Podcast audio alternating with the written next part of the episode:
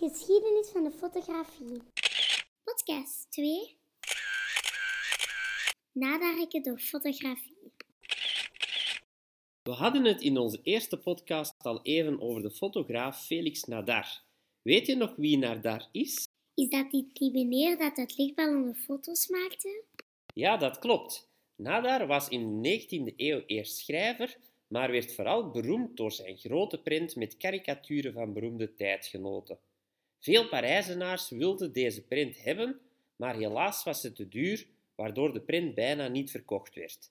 Jammer, want het was een hele romslomp geweest om al die beroemdheden te contacteren en hen te overhalen om voor hen te poseren.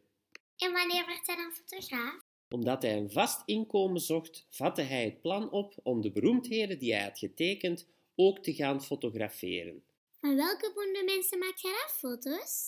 Van tijdgenoten zoals theatersterren van toen of rijke, belangrijke Parijzenaars. Zelfs onze koningen Leopold I en II hebben voor hem geposeerd. En verkocht hij deze foto's wel goed? Ja, deze foto's werden een enorm succes. Zelfs nu, meer dan 100 jaar later, zijn ze nog altijd even boeiend om naar te kijken.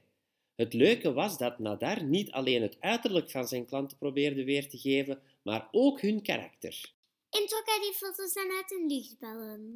Nee, dat was in zijn fotostudio. Later werd hij nog bekender door zijn eerste luchtfoto's.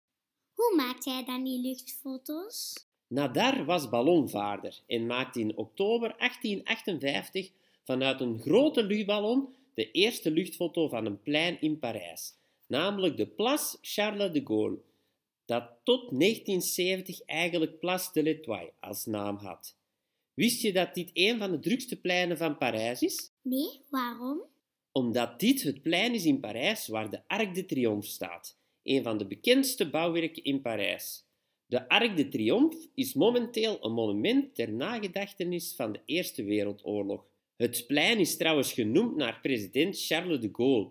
Maar goed, Nadar maakte dus foto's vanuit een hete luchtballon. En met deze beroemde vluchten wou hij het uitzicht over de stad vanuit verschillende perspectieven of beeld vastleggen. En ging hij dan echt zelf met die ballon in de lucht? Ja, hij had een kolossale monsterballon genaamd Le Géant, waarmee hij niet enkel omhoog ging, maar zelfs van de ene naar de andere plaats vaarde. Is hij dan ook met luchtballon in België geweest? Ja hoor, onder het oog van onze koning Leopold I steeg hij in 1864 met zijn luchtballon op vanuit de Kruidtuin te Brussel.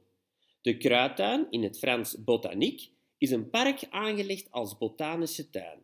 Omdat heel veel mensen kwamen kijken naar de beroemde fotograaf Nadar met zijn reuzenballon, liet de burgemeester van toen, Jules Anspach, speciale dranghekken maken om mensen op veilige afstand te houden. Omdat de volkstoeloop voor Nadar in bedwang werd gehouden door hekken, noemde een Belgische krant deze speciale dranghekken Sanderedaags Barrière Nadar, of Nadarhekken in het Nederlands. Oh, nadareken zijn dat die, die hekken waar je achter moet staan als je in Antwerpen aankomt? Ja, dat klopt. Alleen in België zeggen wij nog altijd nadarhekken of nadarafsluiting. In Frankrijk of in andere landen kennen ze zelfs die naam niet. Grappig toch dat het bezoek van de fotograaf Nadar ervoor gezorgd heeft dat we die naam nu nog steeds gebruiken na meer dan 150 jaar. En vond Nadar het leuk dat hekken naar hem genoemd werden? Nee, hij kon daar absoluut niet mee lachen. Hij schreef zelfs een brief naar de Belgische koning om zijn ongenoegen te uiten. Nadar was een anarchist en was dus tegen een hek dat mensen in hun bewegingsvrijheid zou beperken. Dus hij wou dat zeker niet met zijn naam geassocieerd zien. Al moeten we als Belg stiekem toegeven dat een nadarhek onze vrijheid niet altijd beperkt. We durven ze zonder pardon wel eens een klein metertje opschuiven om er toch nog langs te kunnen met onze auto of fiets. Dus op dat vlak moet Nadar zich geen zorgen maken. Wist je trouwens dat Nadar niet zijn echte naam was, maar een pseudoniem? Wat is een pseudoniem? Een pseudoniem is een soort van kunstenaarsnaam of bijnaam dat je gebruikt. Zijn echte naam was Gaspard Félix Tournachon. Maar omdat hij als jongetje altijd een grappig taaltje had ontwikkeld, waarin alle woorden eindigden op dar, noemden zijn vriendjes hem Tournadar en nadien dus Nadar. Zo, nu weet je hoe de fotografie voor de naam van onze nadarhekken gezorgd heeft en welke belangrijke fotograaf je nooit meer mag vergeten. Ja, interessanter. Dankjewel om te luisteren naar onze tweede podcast. Dag!